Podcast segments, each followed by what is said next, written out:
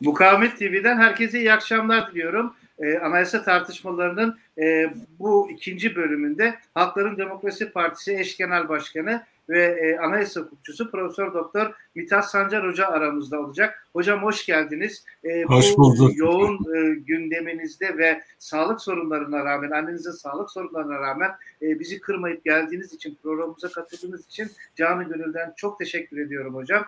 E, sağlıklı günler diliyorum size de, ailenize de hocam.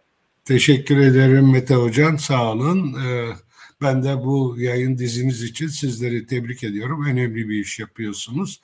Benim için de şimdi fırsat doğdu. Katılmak bir zevktir. Ee, ee, buyurun. Hocam hemen ben e, şey sormak istiyorum. Ee, geçtiğimiz Haziran ayında 9 e, maddelik bir strateji e, hattı ve tutum belgesi e, e, açıkladınız. E, toplumsal muhalefeti bir araya getirecek aslında dokuz ilke gibi de düşünebiliriz bunu. E, hep birlikte hak, hukuk, adalet için e, demokratik anayasa için, Kürt sorunu demokratik çözüm için, savaşları durdurmak için, kadınlar için, gençler için, doğa için e, dediniz. Bunlar için toplumsal muhalefetin bir araya gelmesi gerektiğini söylediniz ve e, anayasa tartışmaları da bunun içerisinde geçiyor zaten. E, demokratik strateji belgesi de bunun içerisinden çıkmış gibiydi ve burada da üçlü bir e, e, aşama e, var idi. E, demokrasi stratejisinde de anayasa tartışmalarını bu yapı içerisinde oturtuyordunuz. Demokratik anayasa, yol temizliği ve demokratik ittifak e, konularını ön plana çıkartmıştınız. Yakın bir zamanda da e, anayasa e, ile ilgili olarak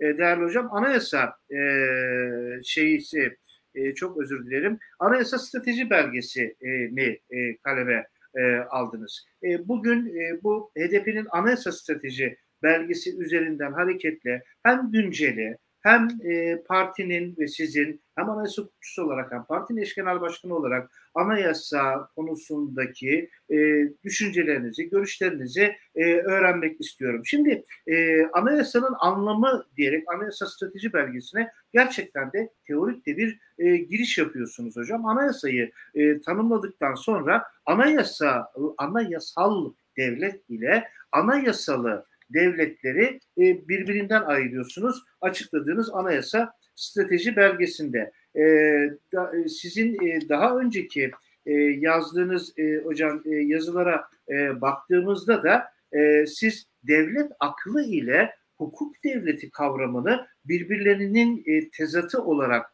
koyan e, koyuyordunuz çalışmalarınızda. Bana e, anayasa strateji belgesindeki anayasalı devletle anayasal devlet arasında koyduğunuz fark da devlet aklı ve hukuk devleti arasında koyduğunuz farkı andırdı. Ben sözü daha fazla uzatmadan e, sözü size vermek istiyorum hocam. Devlet aklı, hukuk devleti, anayasal devlet, anayasalı devlet. E, hocam buyurun lütfen.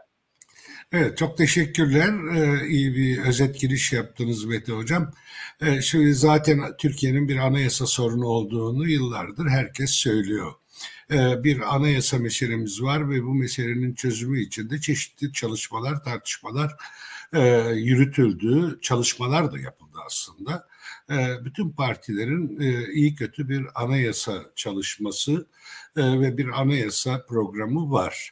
E, fakat asıl mesele şu ki Türkiye'yi demokrasiye götürecek, eşit ortak yaşamı demokratik temele oturtacak bir anayasa yapımını e, becer, beceremedi e, bugüne kadar ülkemiz e, ve bu toplum. Şimdi anayasa yapmakla anayasal devlet olmak arasında elbette bir fark var. Biz bunları birinci sınıfta anayasa hukuku derslerinde de anlatırdık. E, e, biz de e, birinci sınıfta okuduk bunu. Anayasası olan her devlete anayasal devlet denmiyor. Aslında anayasal devlet Fransız devriminin bir ürünüdür. Oradan türemiş ilkelerin daha sonra ifade edilmiş biçimidir. Anayasal anayasal devlet dediğiniz zaman ee, bir defa e, kuvvetlerin birbirinden ayrıldığı ve temel hakların yani insan haklarının güvence altına alındığı bir devlet anlaşılıyordu en basit şekliyle. Nitekim Fransız e, insan ve yurttaş hakları bildirisi yani Fransız devriminin manifestosu e, onun e, zaferinin e, belgesi olarak kabul edilen metinin 16. maddesi e, tam da bunu söylüyor. Diyor ki e, kuvvetlerin birbirinden ayrılmadığı ve hakların güvence altına alınmadığı devletlerin anayasası yoktur. Yani siz bir anayasa yapsanız bile içinde bu ilkeler, bu değerler, bu güvenceler ve hükümler yer almıyorsa bunu anayasa olarak kabul etmiyoruz diyordu Fransız devriminin e, bildirgesi. E, o, o tarihten bugüne işte 1789'dan bugüne de esas olarak demokratik liberal gelenekte ama başka geleneklerde de anayasa tartışmaları ya da anayasa kavramı ana hatlarıyla bu çerçeve içinde ele alınmıştır. Aynı şekilde mesela hani so 1990 öncesi e, sosyalist sistemde yer alan devletlerin anayasalarında da kuvvetlerle ilgili ayrım kuralları vardı. Bunlar pratikte uygulanıyordu, uygulanmıyordu, oluyordu, olmuyordu her neyse.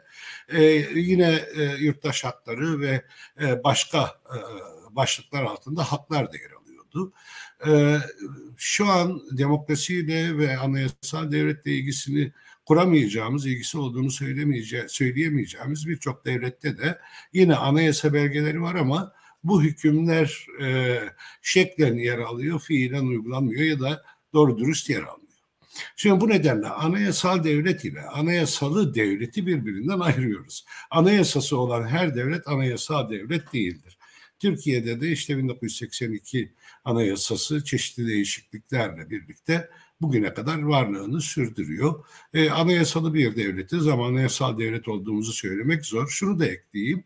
E, aslında hukuk devleti ya da rule of law, hukukun üstünlüğü dediğimiz kavram ile anayasal devlet arasında da çok doğrudan bir bağ vardır.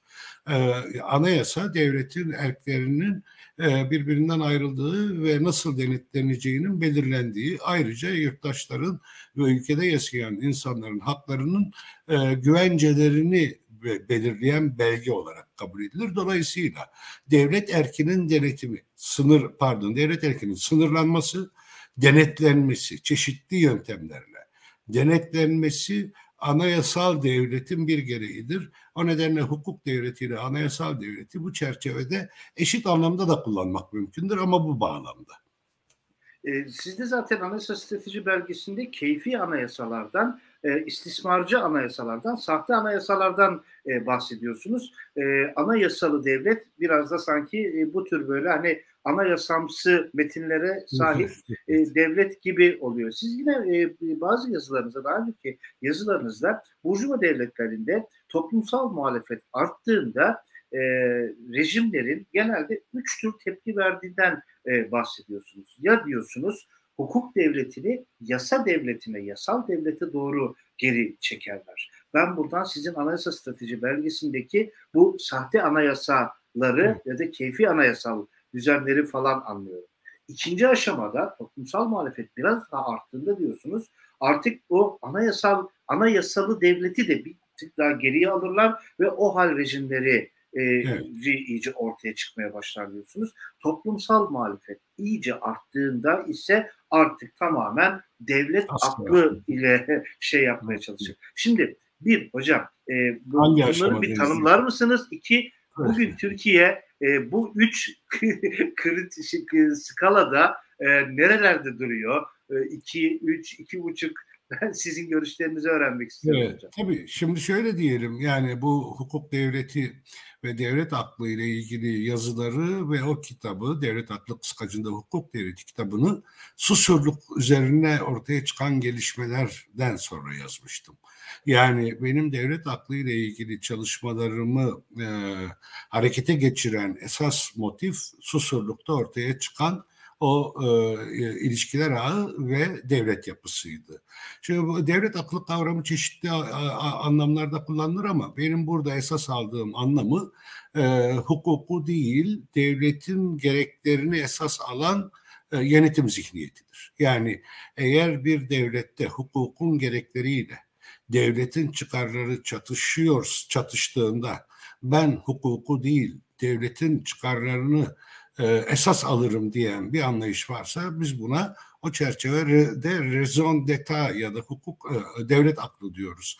Şimdi Türkiye e, bu kavramla aslında fiilen çoktan tanışmıştı ama bir akademik analiz ve siyasi tahlil kavramı ve odağı olarak ilk defa o, o yazılarımda ortaya konmuştu. Şimdi demek istediğim şuydu. Kürt sorununda çözümsüzlüğün yarattığı ve savaş politikalarının ürettiği büyük bir çöküş ve çözülme vardı. Şimdi Kürt sorununda e, hani bu çözümsüzlük politikalarının e, savaş politikalarıyla bir şekilde adlandırılabileceğini de biliyoruz.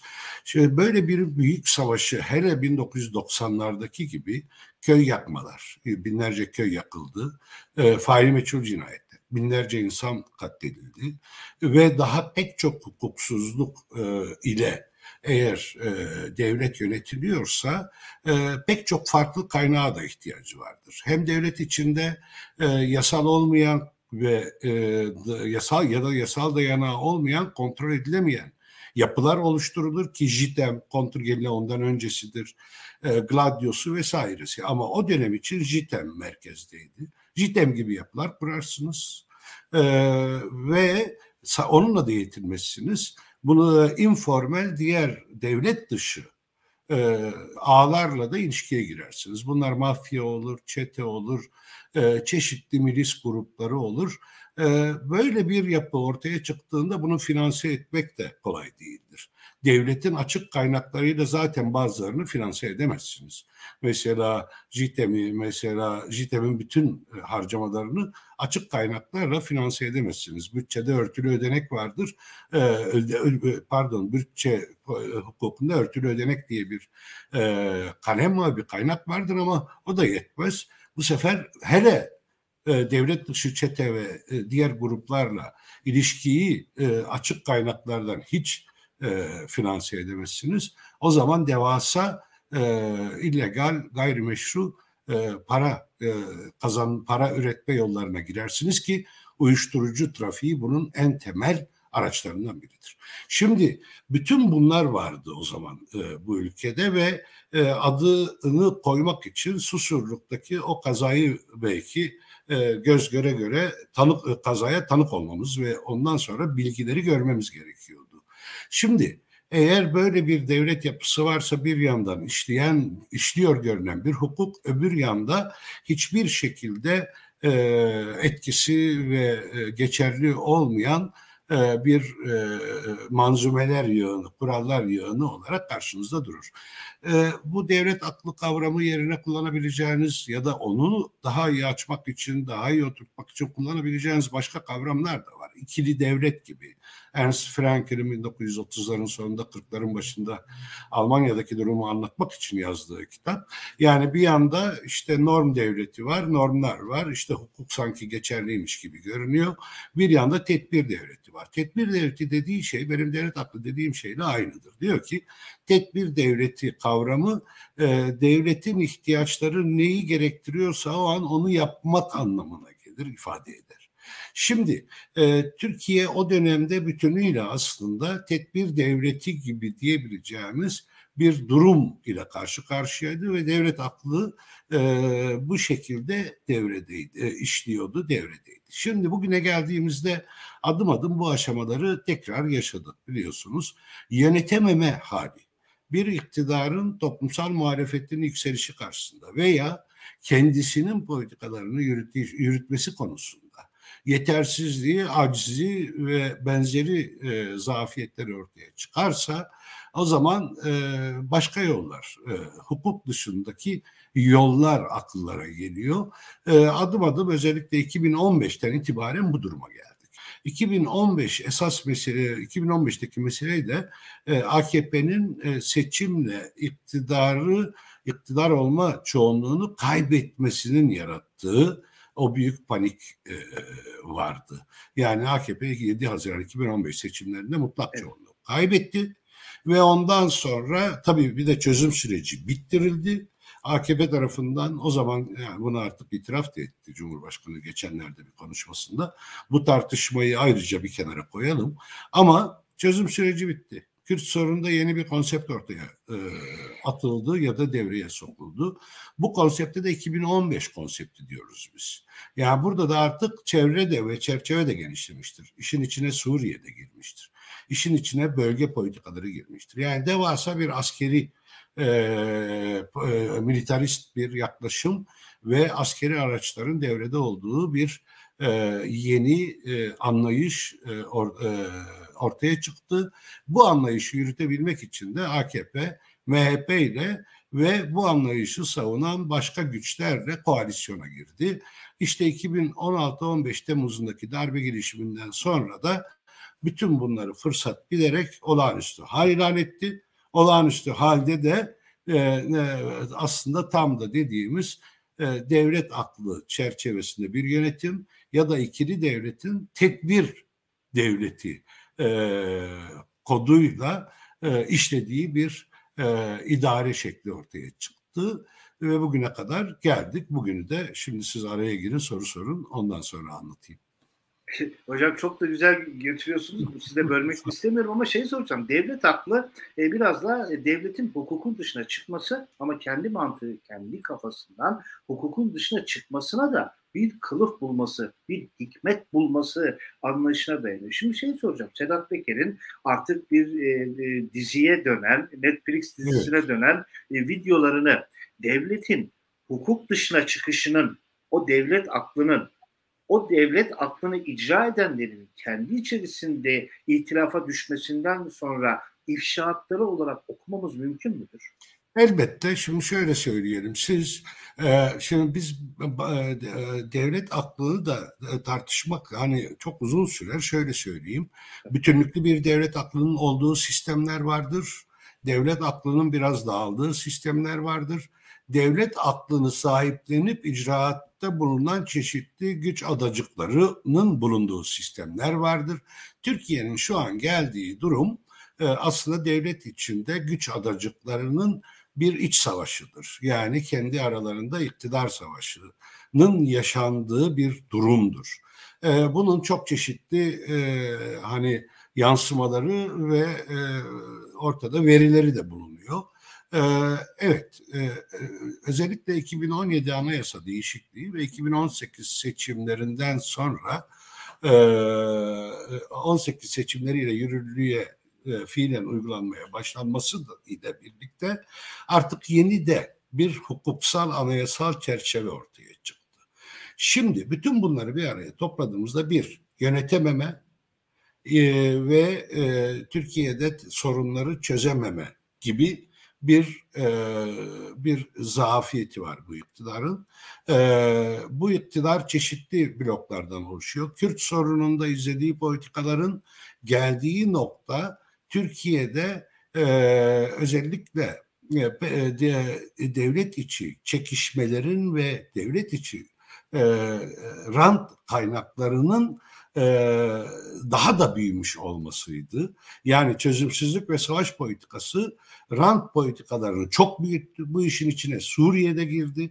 O kadar büyük rantlar ortaya çıktı ki iktidar toplumsal desteğini kaybetmeye başladığı anda devlet içi bu grupların kendilerini güvenceye al, güvenceye alma çabaları başladı. Şimdi iktidar e, çeşitli anketlerde de görülüyor e, hani çoğunluğu kaybedici, kaybetmekte. E, şimdi bu kadar büyük bir suç imparatorluğu kurulmuş. Bu kadar büyük rantlar ortaya, e, yaratılmış ve paylaşılmış. E, işte bu kadar büyük suçlar işlenmiş. Şimdi yalan, yalan ve kan iktidarı. Evet, tam da bunu evet. söylüyoruz. Şimdi karşımıza çıkan bilgiler ve ifşaatlar ve itiraflar ve e, ikrarlar hepsini bir araya topladığımızda ee, yani e, hani buna hangi mahkemeler sisteminin yeteceğini bile e, sorar hale geliyorsunuz. E şimdi böyle bir sistemde bu kadar büyük rant, kadar büyük bir suç ortaklığı üzerine kurulmuş bir sistemde eğer iktidarın kaybı da ufukta görünmeye başlamışsa o iktidarı bir arada tutan güçler şimdi birbirlerini satmaya ve herkes kendini güvence altına almak için çalışmaya başlar. Geldiğimiz nokta çok özetle e, böyle e, tasvir edilebilir.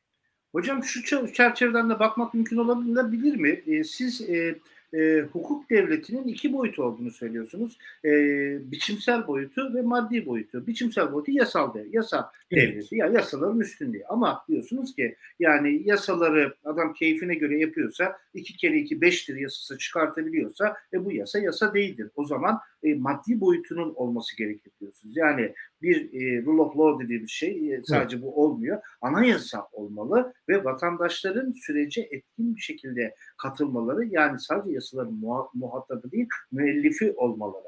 Yani evet. tabircisi yazarı olmaları, üreticisi olmaları gerekir. Bu olmazsa diyorsunuz gittiği yer e, yasal despotizmdir. Geldiğiniz yer bu mudur hocam? Yani sizin tasvir ettiğiniz yeri yine sizin başka yazılarınızdaki şeylerle dön dolanıp böyle biz, söylememiz tabii, mümkün yok, olur mu hocam? Gayet güzel şöyle diyelim. Yani biz buradan anayasa stratejisine ve anayasa tartışmalarındaki yaklaşımımıza da gelebiliriz. Şimdi bir defa evet e, Türkiye'de hani e, toplumun anayasayı kendisinin yazdığı bir dönem olmadı. Bugüne kadarki anayasaların hiçbiri toplumun doğrudan aktif etkili katılımıyla yazılmadı, yapılmadı. Şimdi anayasa yazı, anayasalar çeşitli yerlerde yazıldı ama e, anayasanın toplumsal zeminde yapılmasının bir örneği Türkiye'de yok.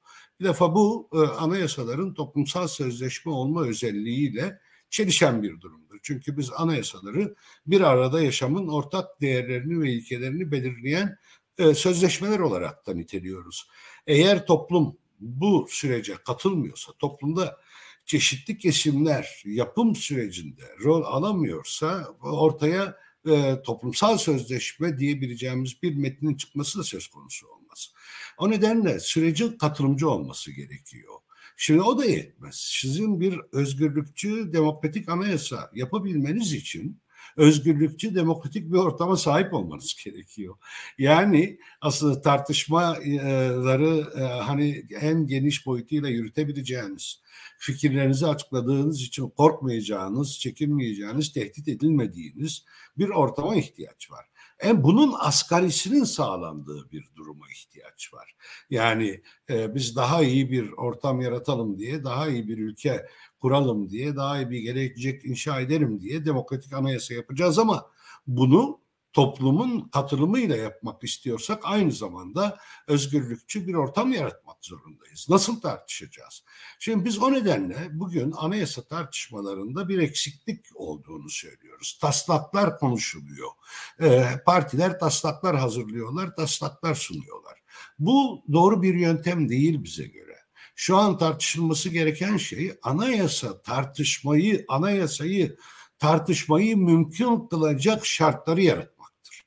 Yani toplumsal muhalefete özellikle yaptığımız çağrının amacı e, ve anlamı budur. Diyoruz ki biz bir defa bu iktidarın baskıcı e, yönetimi altında bu kadar yasaklar, bu kadar e, baskılar varken e, ve özellikle örgütlenme, düşünce özgürlüğü gibi alanlarda inanılmaz e, derecede bir zulüm diyebileceğimiz uygulamalar sürüyorken e, biz taslakları nasıl tartışacağız? Önce e, toplumsal muhalefetin bir demokratik tartışma ortamını yaratacak güç birliğini sağlaması gerekiyor. Anayasa tartışmalarını doğru bir e, hat, hatta e, yerleştirebilmek için. O nedenle diyoruz ki demok en geniş demokrasi ittifakı en büyük ihtiyaçtır. Ve acil konuları önümüze alıp birlikte hareket imkanlarını konuşabileceğimiz mekanizmaları hem siyasal muhalefet hem toplumsal muhalefet tartışmalı ve oluşturmalıdır. Siyasal muhalefetten kastığımız partiler, toplumsal muhalefetten kastımız da bütün toplumsal güçlerdir. Yani şimdiki sisteme ve iktidara e, itiraz eden, muhalefet eden, rahatsız olan, bundan rahatsız olan bütün güçlerdir. Şimdi bizlerin yapması gereken e, şey esas olarak e, bu bu güç birliğini bu e, bu e, demokrasi e, ortaklığını mücadele ortaklığını sağlamaktır. Anayasa tart, e, taslaklarını daha sonra tartışırız. Peki burada başka neler yapılabilir? Elbette sistemi tartışacağız. Ya elbette muhalefet gelecek dönem seçimlere girip kazandığında hangi sistemi yürüteceğini ilan etmelidir. Bu doğrudur. Parlamenter demokratik sistemde aşağı yukarı bir mutabakatın oluşması da iyidir. Fakat bunlar şimdilik şu anda ne bizim anayasa tartışmalarını doğru dürüst yürütmemizi ne de bu iktidarın keyfi baskıcı uygulamalarını durdurmamızı sağlıyor. Karşımızda devasa bir çöküş tablosu var. Ee, Sedat Peker'in ifşaatları, son yangınlar ve inanılmaz keyfi, pervasız bir yönetim var. Şimdi bunu bununla e, bunlar rahatsız geniş toplum kesimleri var ve bu muhalefeti demokratik zeminde etkili kılacak mekanizmaları oluşturmak öncelikli görevdir. Öncelikli hedef olmalıdır. Burada eksiklik. O nedenle iktidar da çeşitli manipülasyonlarla, çeşitli yöntemlerle yine kendine alan açmayı sağlayacak hamleler yapabiliyor. Mesela Kürt sorunu üzerinden kutuplaşmaya yol açabiliyor. Muhalefeti bu, bu, buradan e, çatlatacak e, kaynaklar, kanallar bulabiliyor. Nefret politikaları üzerinden emekçileri birbirine e, birbirine düşmanlaştırabiliyor. Irkçılık üzerinden halkları birbirine karşı kışkırtabiliyor. Bu zaten toplumsal e, rızayı kaybetmiş e, bir iktidarın e, genel olarak başvurduğu yollar da budur. Sadece Türkiye'de değil, e, başka dünyanın başka örneklerinde de aynı durumu görebilirsiniz. Yani eğer toplumsal meşruiyet kaybolmuşsa, toplumsal destek artık bu iktidarı ayakta tutmaya yetecek seviyeden çıkmışsa ve hukukla yönetemeyen bir iktidar varsa e, yapacağı şey bellidir. Kışkırtma, kutuplaştırma, düşmanlaştırma ve e, şiddet. E şimdi biz bunları durdurmak zorundayız. Yani bunları durdurabilecek geniş toplumsal bir e, bilinç ve istek de var. Ama e, bunu örgütleme konusundaki yetersizlikler iktidarın bu politikaları ve yönetimi sürdürmesini kolaylaştırıyor. Onu söyleyeyim. 2017'deki ee, mühürsüz referanduma gelmeden önce e, dendi ki fiili bir durum var. Bizim bu fiili durumu hukuki duruma uydurmamız gerekiyor falan dendi. Halbuki yani hukuk devletinin en basit en basit olabilecek tanımı fiili durumun hukuka uydurulmasıdır. Yani ben birini öldürüyorum. E, madem fiili bir durum var ceza hukukunu değiştirelim gibi bir şey oluyor bu çünkü bu, bu anlamı budur. Yani bir, bir şekilde ben bir cinayet işledim ve fiili bir durum var ve o zaman bu adamın için bir ceza hukukunu değiştirelim demek kadar abes bir iş yapıldı 2017'de. Ee, şimdi e, ha, buyurun. Buyurunuz hocam lütfen. Yok şunu söyleyeceğim. Bu sistem şimdi e, tartıştığımız Cumhurbaşkanlığı hükümet sistemi bu programın da özel konularından birini oluşturan e, bu başlığı biraz daha açmamızda fayda var. Tabii. Şey, evet fiili durumu hukukileştirelim dediklerinde kastettikleri neydi? Fiili durum neydi? Bir bakalım. 2015 7 Haziran'ıyla 1 Kasım'ı arasındaki kaotik durum.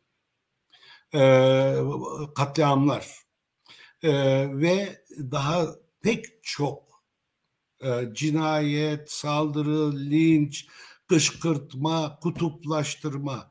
Bir bu. 1 Kasım seçimlerine böyle gidildi ve böyle kazandılar. Ardından bu e, iktidar e, bloku e, kendince adım adım yeni dönemi inşa etmeye başladı. Yeni dönemden kastımız da yeni rejimdi zaten ve bu yeni rejimin esas kaynağı da bu e, 2015 Haziran ile Kasım arasında gördüğümüz dönemde bir e, fragman olarak karşımıza çıktı. Yani o bir fragmandı. Sonra 15 Temmuz darbe girişimi oldu. Darbe girişimi e, başarısız oldu çok şükür.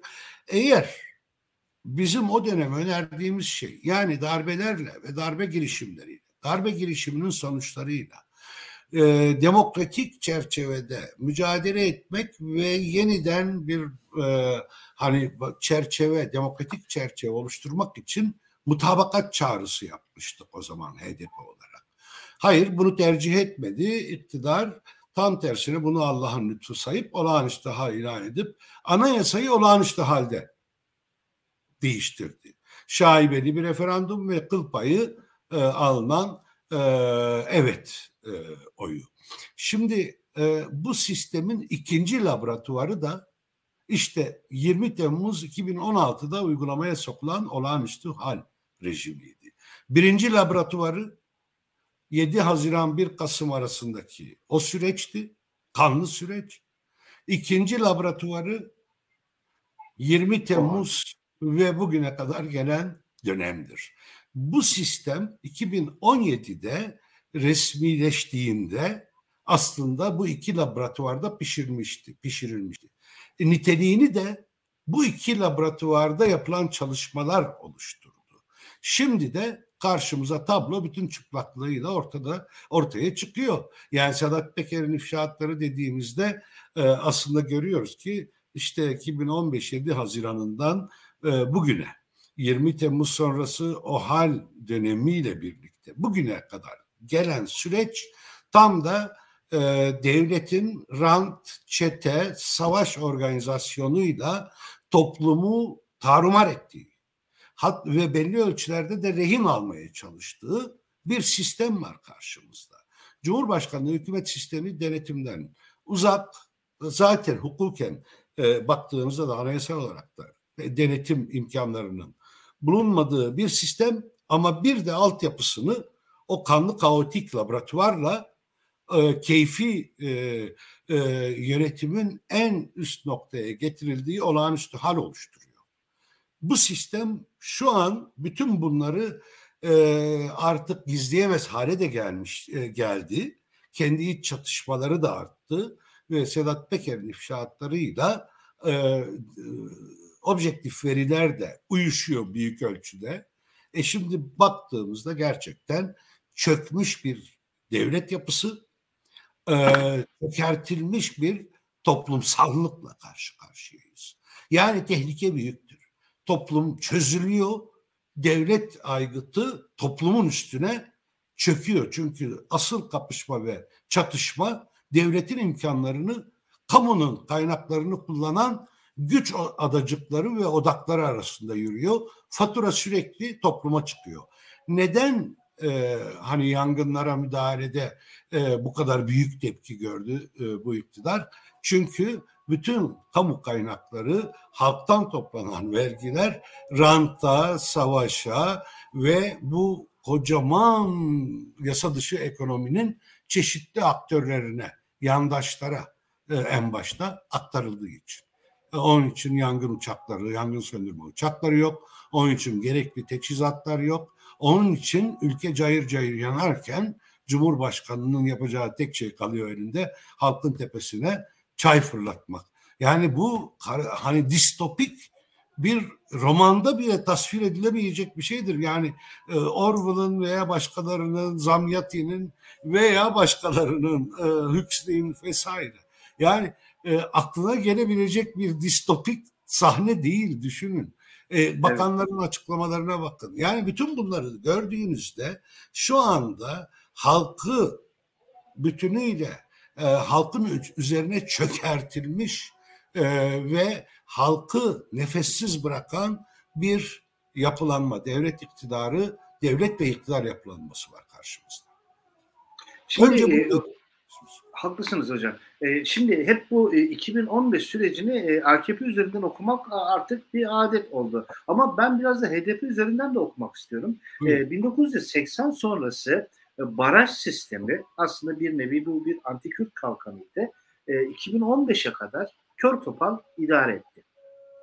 E, 2015'e kadar da e, çoğunca e, ittifaklarla ya da çoğunca bağımsız milletvekili adayları yoluyla e, birkaç e, istisnan haricinde e, HDP öncülü partiler hep bu yolla şey yaptılar. Ama 2015'te Haziran'da parti önce kendisine Kasım'da da bütün Türkiye'ye artık e, baraj sorunu olmayan bir parti olduğunu ispatladı.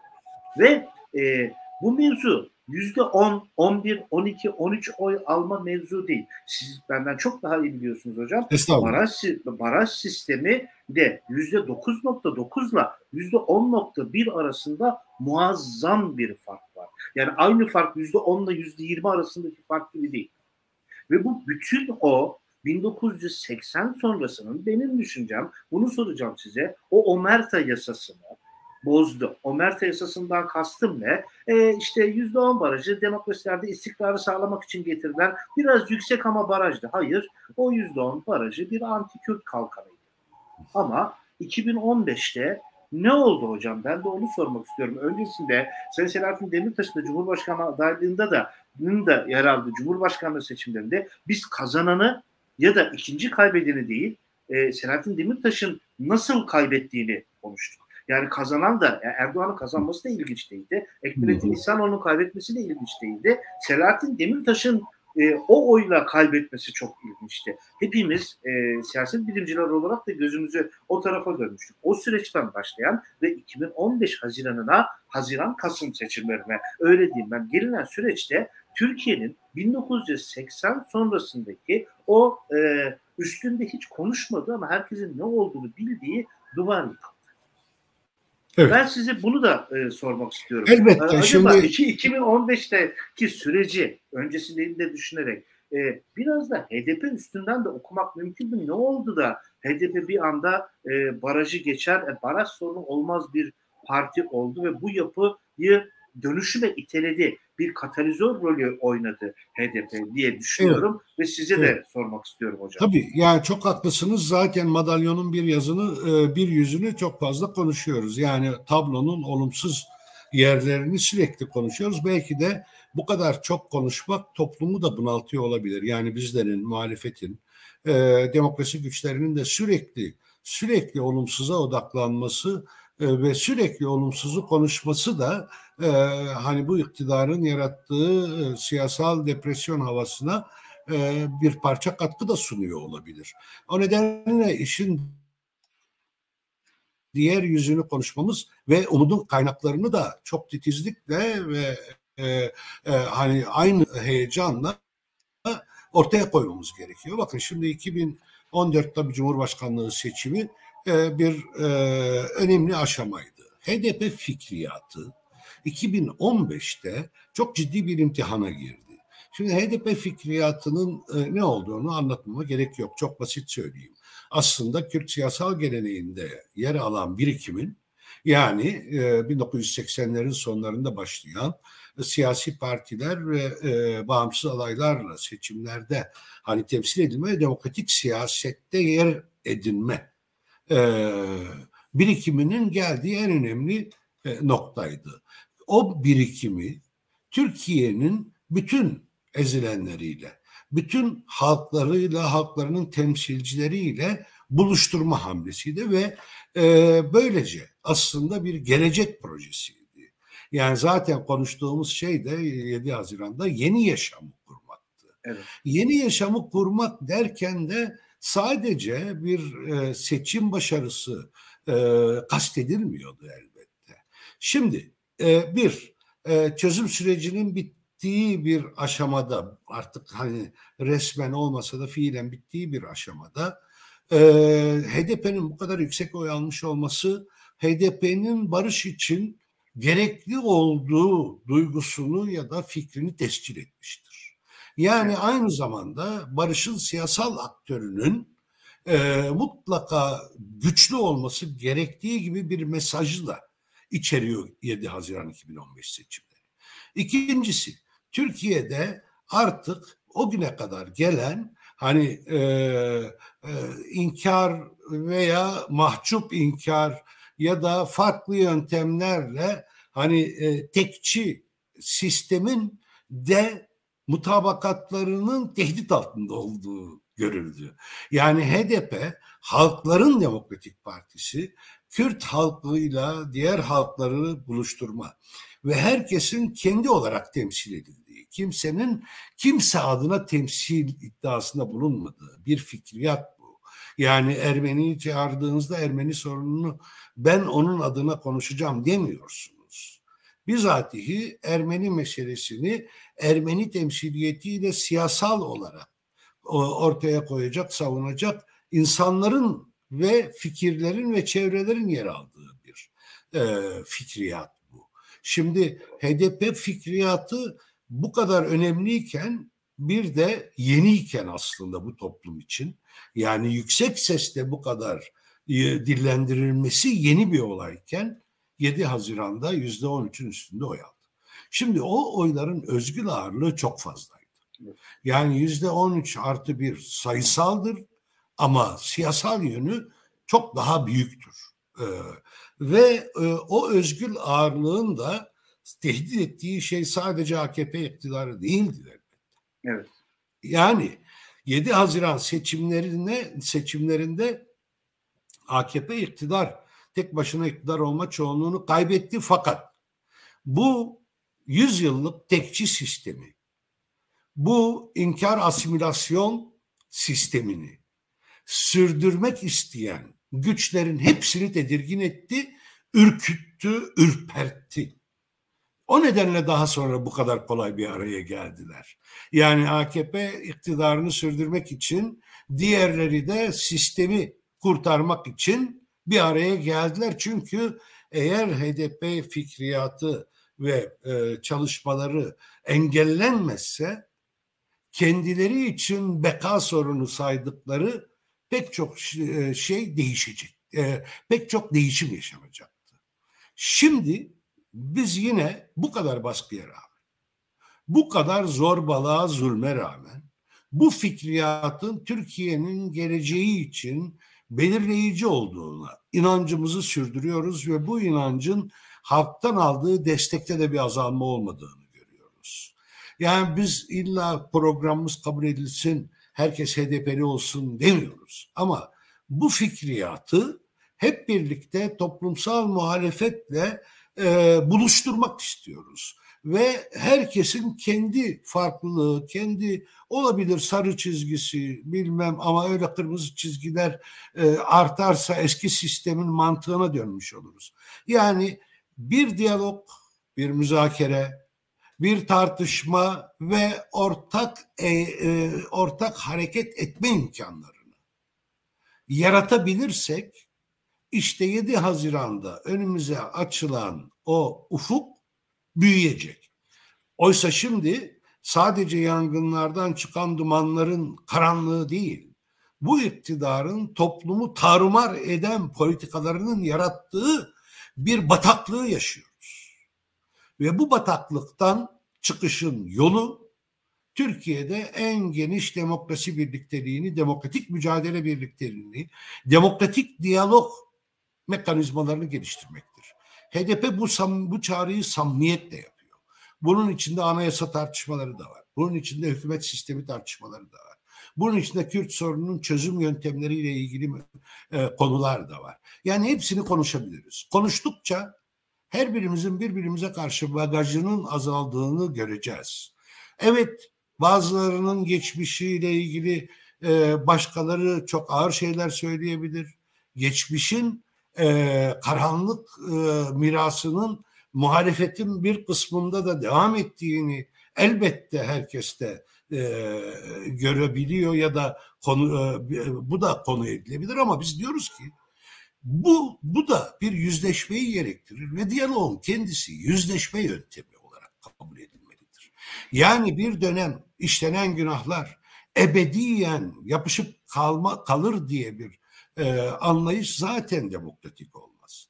Muhalefete gelin birlikte bütün toplumsal muhalefete, siyasal muhalefete. Geçmişi de gerektiğinde konuşabileceğimiz ama esas olarak geleceği inşaya odaklanacağımız diyalog ve güç birliği mekanizmaları oluşturuldu. Bu karanlıktan ve bataklıktan çıkmak için acil ihtiyacımız budur.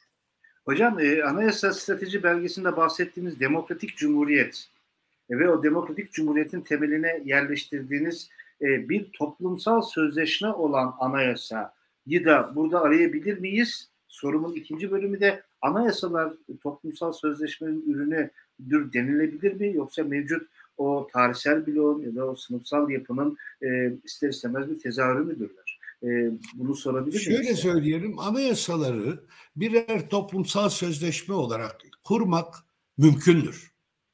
Şimdi e, bu o kadar kolay bir iş değil. E, şöyle, şunu söyleyeyim. E, bir toplumda özellikle bölünmüş toplumlarda yani öyle deniyor e, divided society dediğimiz yani çeşitli fay hatlarına göre e, kutuplaşmanın derin olduğu toplumlarda anayasa yapım sürecini demokratikleştirerek bir toplumsal sözleşmeye varma imkanımız var e, mevcuttur. Yani biz bölünme hatlarını e, bir şekilde e, aşacak bir mutabakatı arayabiliriz. Bu bütün sorunlarımızın çözüleceği anlamına bir anayasayla, bütün sorunların bir anayasayla, bir anayasa süreciyle çözüleceği anlamına gelmez.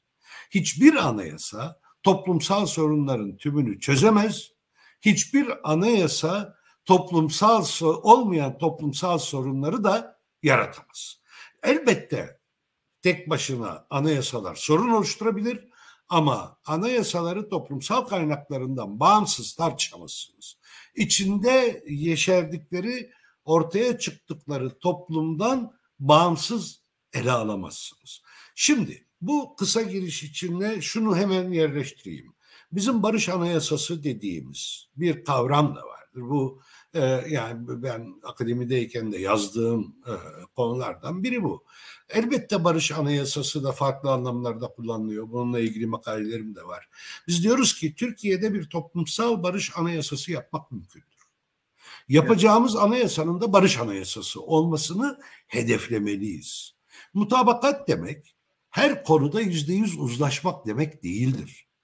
Mutabakat demek temel konularda birbirine yakın pozisyonları ortaya çıkarmak ve herkesin eksiklik kendi pozisyonunun ya da yaklaşımının yansımamasının yarattığı sızıyı peşine kabul etmesidir. Yani biz her dediğimizin kabul edileceği bir e, arayışa girersek bu zaten demokratik olmayacağı gibi sonuç alması da mümkün olan bir yöntem değildir. Yani gerçekçi değildir. Mutabakatı hedeflersek evet vereceğimiz tavizlerin aslında birer taviz değil, geleceği kurma konusunda bir çalışma olduğunu, bir katkı olduğunu görürüz. O nedenle e, bu anayasa yapım süreçlerinde demokratik cumhuriyeti hedefleyen barış anayasası arayışını mutabakatın e, ana hedeflerine e, hedefleri arasına koymak lazım. Eğer mutabakat arayışının ana hedefleri arasına bunları koyarsak elbette bundan ötesine adım adım yürümemiz daha da kolaylaşır. O zaman Türkiye'de sorunları demokratik mekanizmalarda çözebileceğimiz bir sistem yaratabiliriz. Çatışmaları yani çelişkileri, ihtilafları, çatışma derken siyaset bilimi anlamında çatışma, ihtilaflar, çeşitli e, toplumsal meseleleri e, hemen e, çözecek değiliz. Ama bunları çözmek için şiddetin devlet baskısının ve toplumun vesayet altında tutulmasının söz konusu olmayacağı bir demokratik işleyiş yaratabiliriz. Kısacası sorunlarımızı demokratik siyasette ve demokratik müzakereyle ve toplumsal e, mutabakat hedefiyle çözeceğimiz bir sisteme giden yolu bu şekilde daha kolay açabiliriz. Yani o zaman önce yolu temizlemek gerekiyor sizin tabirinizle.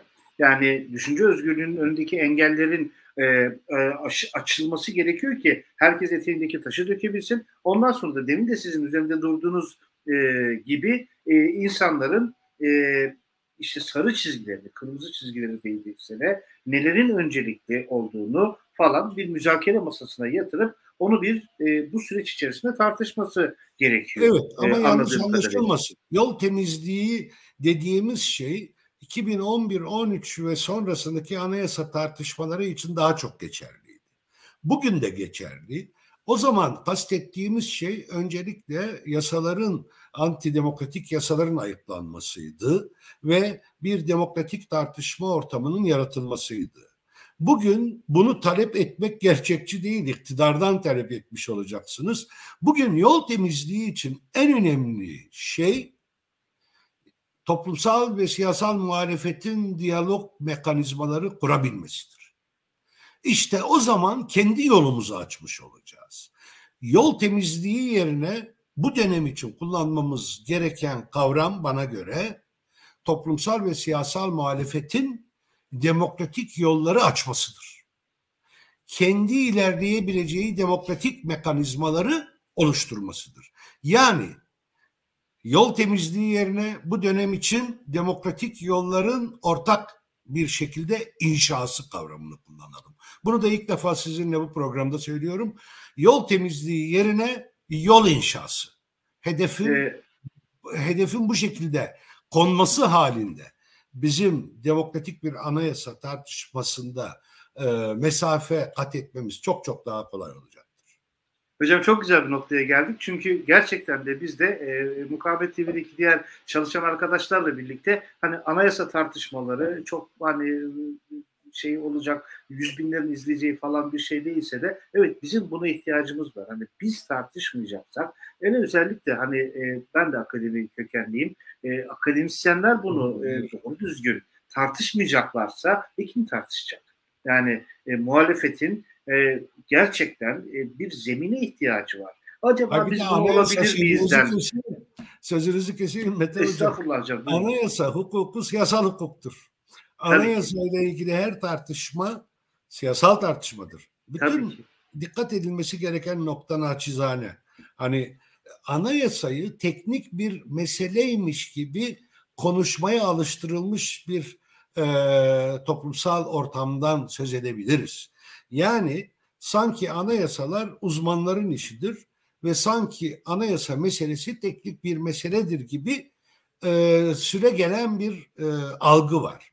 Oysa anayasayı günün günlük hayatımızın her alanında e, tanımlayabileceğimiz bir ilişki sistemi olarak ortaya koyabilirsek belki o zaman ya nereden çıktı bu anayasa tartışmaları diyenlere de daha inandırıcı cevaplar vermiş oluruz.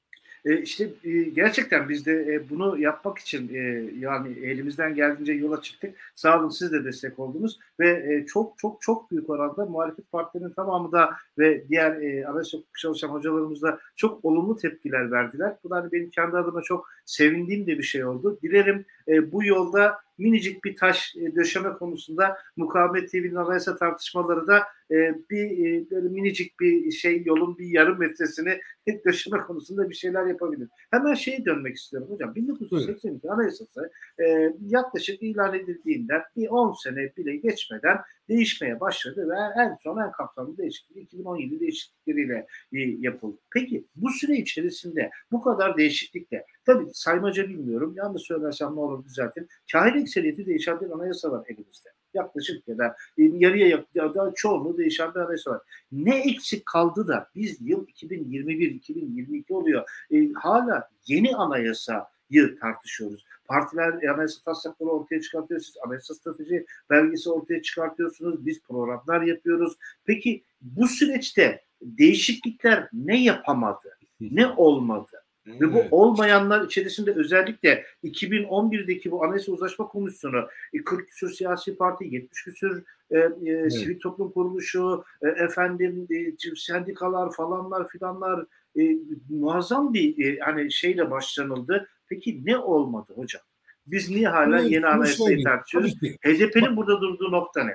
Tabii ki. Yöntem e, anayasa tartışmalarında anayasa yapım yöntemi en öncelikli konu olmalıdır. Bu her zaman böyle. Şimdi benim e, anayasa hukuku derslerinde aklımda kalan önemli bilgiler arasında tabii ki çok bilgi var. Çok değerli hocam Ergün Özbudun, e, sonra Oya Araslı hocam ve diğer anayasa hukuku hocalarım, dan öğrendiğim şeyler var. Bülent Tanör hocamdan daha sonraki tanışmalarımda öğrendiklerim var. Çok değerlidir, çok katkıları var. Hepsine e, teşekkür. Tabii yaşamayanlara da rahmet diliyorum. Şimdi orada söylenen şey şu. 1961 Anayasası ile ilgili tartışmalar yapılırken niye kalıcı olamadı? Çünkü bir toplumsal sözleşme olacak kadar benimsenmeye nail olamadı. Çünkü yapım sürecinde toplumun önemli bir kesimi dışlandı. Yani o kurucu meclis sürecini hatırlayın. Anayasanın yapıldığı süreci hatırlayın. Şimdi 1982 e, Anayasası için de aynı şey geçerlidir. E, toplum bu sefer dışlandı. Yani bırakın toplumun bir kesimini, toplumun tamamı devre dışı bırakıldı 1982 Anayasası yapılırken. E, anayasaların ömrünü belirleyen en önemli şey toplumsal kabuldür. Yani yapım süreci ne kadar çok yaygın bir toplumsal temele oturursa ve toplumun ne kadar büyük bir çoğunluğu o anayasayı kendine ait hissederse o anayasa o anayasa uzun ömürlü olur. Arada bir değişiklik de yapma ihtiyacı doğabilir, uzun ömürlü olur. Ama uzun ömürlü olur. Şimdi Türkiye'de şu ana kadar başarılamayan, becerilemeyen temel şey bu. Temel mesele bu. Yani toplumun dahil edildiği ve toplumun farklı kesimlerinin sahiplendiği bir anayasa yapım süreci ve anayasa belgesi ortaya çıkarılamadı. Şimdi kendine anayasayı kendine ait hissedebilmesi için girişte söylemiştiniz. Ee, çeşitli tabii e, teoriler ve kavramlar var benim de yazdıklarım var. Ee, mesela Habermas üzerinden yazdığım yazılarda da söylüyorum. Ee, eğer bir e, anayasa ya da işte hukuk sadece toplumun e, nesne olarak görüldüğü bir anlayışla hazırlanıyorsa yani topluma uygulanacak, toplumun edilgin, pasif kabul edildiği bir anlayışla hazırlanıyor ve uygulanıyorsa demokratik olamaz ve toplumsal kabul de görmesi mümkün olmaz. Hukukun müellifinin aynı zamanda mükellefinin pardon hukukun mükellefinin hukuksal emirlerin muhatabının aynı zamanda bu emirlerin müellifi olduğu bir sistem. Yani yazarı olduğu bir yöntem. Yani toplumun hukuku yaptığı, yazdığı bir yöntem. Bunu kuramazsanız, e, anayasaları tepeden topluma giydirmeye çalışırsanız mutlaka bir süre sonra işlemez hale gelir. Şimdi değişikliklerle bu bu arızayı gideremezsiniz. Çünkü bu bir e, doğuştan gelen e, bir genetik e, bozukluk. Şimdi bu, bu bunu yapmamak lazım. Bundan farklı bir yöntem bulmak lazım. İşte bizim önerdiğimiz şu yani eğer bir anayasa yazacak olursa elbette anayasayı yazmak en kolay şeydir. Yani bir uzmanları toplarsınız, tartışırsınız, kaynakları alırsınız, oturursunuz. E, biliyorsunuz hani bu tür örnekler de var. İkinci Dünya Savaşı sonrası Japon anayasasının nasıl yazıldığını biliyoruz. Hani bir e, şeyde bir e, e, e, savaş gemisinde hani yazıldığı söyleniyor falan filan. Yani oturursunuz yazarsınız o anayasayı. Anayasayı yazmayı anayasa yapmaktan ayırmak lazım. Anayasa yapmak toplumsal siyasal bir meseledir. Anayasa yazmak daha çok teknik bir meseledir. Önemli olan anayasanın nasıl yapıldığıdır. Nasıl yapıldığı meselesi onun yazımını da belirler. Biz HDP olarak strateji belgesi açıklamayı tercih ettiğimizde bu hakikatten hareket ediyoruz. Yani bir anayasa taslağını tartışmaya açmak yerine anayasa strateji metni açıklıyoruz. Anayasa yapım süreciyle ilgili tartışmaları öne çıkarmaya çalışıyoruz. Eğer buradan yol inşa edebilirsek anayasayı yazmak kolaydır.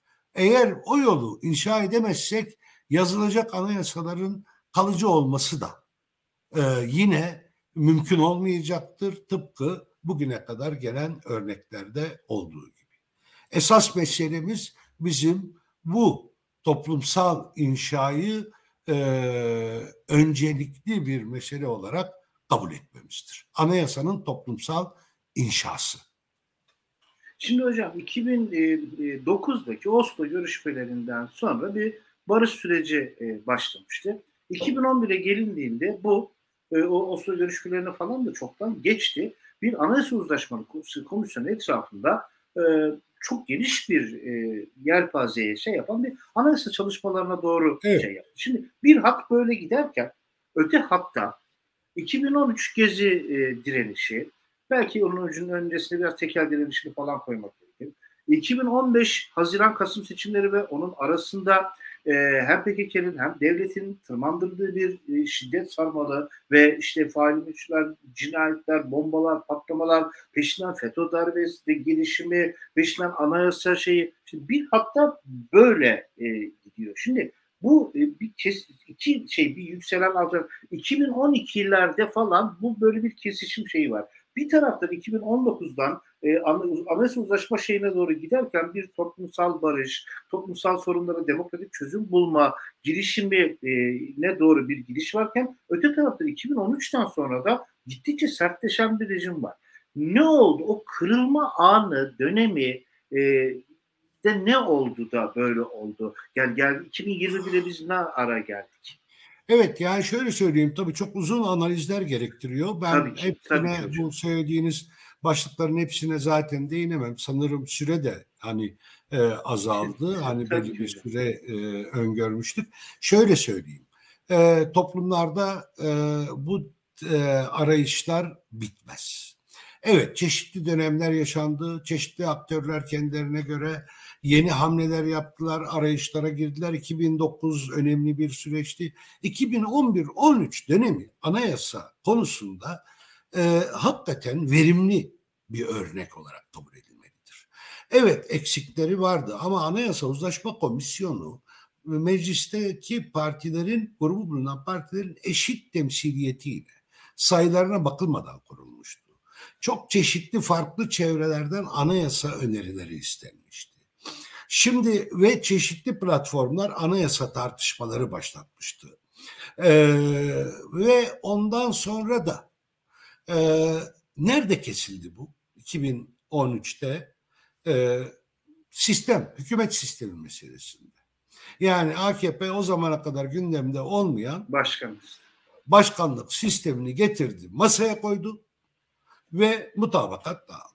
Şimdi önceden eğer bu kadar önemli bir kesimi temsil eden bir parti diğer tartışmaları tali sayan bir hazırlıkla ilerlemiş ve sürecin sonunda da getirip masanın dağıt, dağılacağı kesin olan, masayı dağıtacağı kesin olan bir öneriyi vazgeçilmez şart olarak ortaya koymuşsa demek ki toplumsal arayışta o zamana kadar ciddi bir ilerlemeye katkı bulunma niyeti yoktu.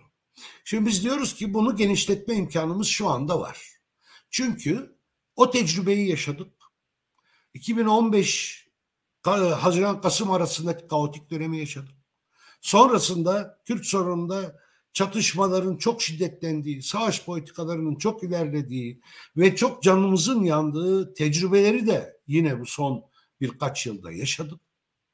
Üstüne bir de soygun, talan, rant, her türlü yolsuzluğun, zulmün, baskının uygula, e, hayata geçirildiği işte son birkaç yılı yaşıyoruz.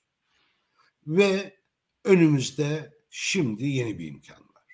Bugün bir parti kongresinde yaptığım konuşmada da söyledim. 1999 depremi aslında toplumsal dayanışmanın ne kadar yaygın ve ne kadar e, e, hani kuvvetli kaynaklara sahip olduğunu göstermişti bize.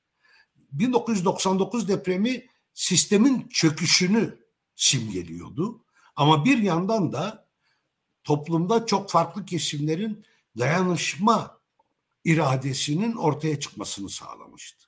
Maalesef 1999 depreminin bu olumlu kaynağını çöken sistemin yerine iyi bir sistem koymak konusunda değerlendiremedik. Toplumsal muhalefet olarak biz neysek o zaman kim idiysek hepimiz sorumluyuz bundan. Şimdi Susurluk'ta da aynı şey oldu. 1996'dan sonra sistemi yenilemek için çeşitli e, e, güçler, kaynaklar e, ve talepler ortaya çıktı. Ama maalesef orada da başarılı olamadık. Şimdi ikisinin kısa bir aralığa sıkıştığı, ikisinin benzeri Susurluk ve 99 depreminin benzerliği, benzerlerinin böyle kısa zaman dilimine sıkıştığı bir e, dönemi yaşıyoruz. Yani Sedat Peker üzerinden devletin çöküşü ve rant, mafya e, ve e, savaş politikalarının yarattığı korkunç yozlaşma ve orman yangınlarının ortaya çıkardığı yönetim sefaleti ama bir yandan da emekçilerin o inanılmaz özverisi ve dayanışma ağlarının o çok e, heyecan verici yaygınlığı. Şimdi bunları yeni bir dönemin başlaması için değerlendirmek bizlere düşüyor. Yani sistemin yeniden eskiye dönecek şekilde tamiri, restorasyonu değil, yeni başlangıç için konuşmamız lazım. Yeni başlangıcı demokratik ittifakla, demokratik mekanizmaları işleterek ve demokratik siyaset zemininde toplumsal e, de, demokratik siyaseti toplumsallaştıran yöntemlerle yaratabiliriz. E, benim e, e, hedefin anayasa strateji belgesinden anladığım da şu oldu zaten. E, biz madde 1, madde 2, madde 3 diye kendi anayasamızı koyalım evet. ve hadi al birinci maddeyi pazarlık edelim, üçüncü maddeyi pazarlık edelim gibi değil, değil. de bu anayasayı nasıl tartışırızı ortaya koyalım mı e, Öncelikle ortaya bu, koyduğunuzu evet. düşün, düşünüyorum yani. Öncelikle yöntem sonra mutabık kalabileceğimiz temel değer ve ilkeleri tartışmak. Bunları olabilecek en geniş toplumsal zeminde yapmak. Her ikisini. Yani bunun e, bunun karşılığı bu ülkede bu toplumda var. Bu kadar acıdan sonra bizler yeni bir dönem başlatabiliriz.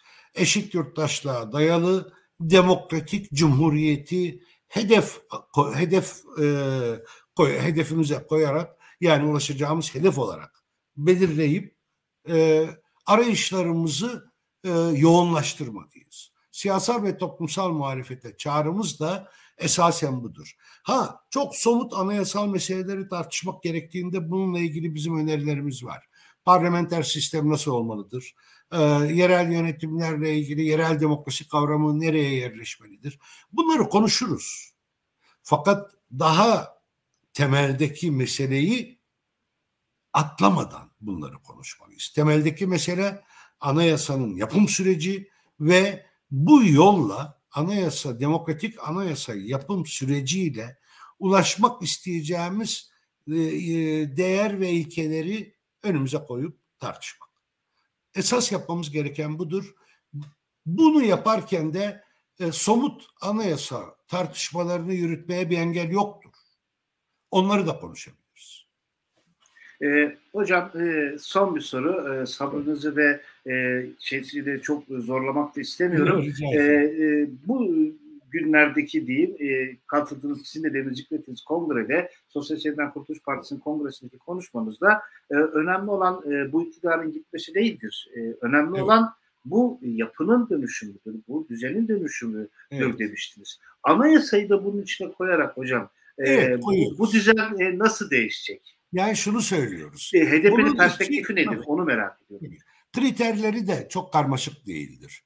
Ee, birincisi diyoruz ki bu iktidarı üreten bir sistem vardı bu iktidar yapılarında. Bakın 96 susurluk ve sonrası bugüne 2015'e gelebiliyorsa yani o, o günkü partilerden hiçbiri bugün neredeyse ortada yokken ama aynı iktidar anlayışını yürütecek partiyi üretebilmişse bu sistem bu sistem kendi iktidar tipini üretebiliyorsa evet mevcut iktidara karşı mücadeleyi en kararlı şekilde yürütmek lazım ama bu iktidar ilişkilerini ve bu iktidar yapısını üreten düzeni de sorgulamamız ve değiştirmek için uğraşmamız lazım. Bunun iki basit aşaması var. Birincisi eskiye dönüşü reddetmek. Yani açıkça kabul etmek gerekir. Bir örneği, diğer örneği de buraya hemen e, yerleştireyim. 1999 depreminde nasıl büyük bir acı yaşadık? Evet. Peki o deprem o gün o iktidarın sorumluluğunun olduğu büyük bir felaketti. Ondan önceki iktidarlar da sorumluydu. E, ama o iktidarları üreten bir sistem var, bir düzen var. E şimdi bu yangın felaketlerini yaşıyoruz. Başka iktidar var ama sistem o zamana o zamankine çok benzer şekilde işliyor. Hatta daha beter hale gelmiş. Dolayısıyla bu tür iktidar yapılarını üreten düzeni değiştirmeyi kesinlikle tartışmıyorum diyen bir anlayıştan herkes uzak durmalıdır. Bir. İkincisi evet bu düzeni de değiştirmeliyiz diyebilmeli. Üçüncüsü, üçüncü aşama artık bu iki aşamayı geçtikten sonra geleceğimiz aşama nasıl değiştirelim, nerelerini değiştirelim aşaması olacaktır. İlk iki aşamayı geçersek üçüncü aşama daha kolay olacaktır. Ve burada her seferinde tekrar etmem gerekir ki burada bu rant yapılar, bu kamu kaynaklarının talanı, bu yandaş ekonomisi ve en önemlisi savaş politikaları. Toplumun iliğini kurutuyor. Bu dediğim iktidar yapılarını üreten sistemi canlı tutuyor. İşte bunları önümüze koyalım ve sadece iktidarı değiştirme hedefiyle yetinmeyelim. Aynı zamanda bu tür iktidarları üreten düzeni de değiştirmeyi bir hedef olarak önümüze koyalım. Bütün demokrasi ve adalet isteyen çevrelere, bireylere, herkese bizim çağrımız esasen budur. Hocam çok teşekkür ediyorum. Çok sağ olun. Ee, ben teşekkür e, ederim. Bu yoğun gündeminiz içerisinde bize zaman ayırdığınız için e, bu e, anayasa konusundaki demokratik müzakereye siz de katkıda bulunduğunuz için e, çok teşekkür ediyorum e, katkılarınız için. Evet, e, evet. Mukavemet TV'de bir anayasa tartışmaları programının e, sonuna daha geldik. E, yine e, Mithat Hocam'ın de dediği gibi demokratik müzakerelere e, bir taşla biz koymayı e, ya e, önümüz haftalarda yine devam edeceğiz. Ben e, Halkların Demokrasi Partisi eş genel başkanı e, değerli hocam e, Mithat Sancar hocama çok teşekkür ediyorum. Katıldığı ben de için, değerli teşekkür ediyorum Metin hocam. Yani emekleriniz için, e, bu program için, bu kadar güzel bir hazırlıkla böyle bir program yaptığınız için. Yani ben tabii hani farkındayım. Çok güzel hazırlanmışsınız. Çok güzel çalışmışsınız. Bana da bütün bu konularda görüşlerimi ve görüşlerimizi ayrıntılı, biraz daha ayrıntılı sunma imkanı tanıdınız. E, hem Mukavemet TV'ye, bütün çalışanlarına hem de size şahsen teşekkürlerimi e, tekrar iletmek istiyorum. Evet, e, herkese iyi akşamlar diliyoruz. Bir sonraki programda tekrar görüşmek üzere. Hocama da tekrar teşekkür ediyorum. İyi akşamlar.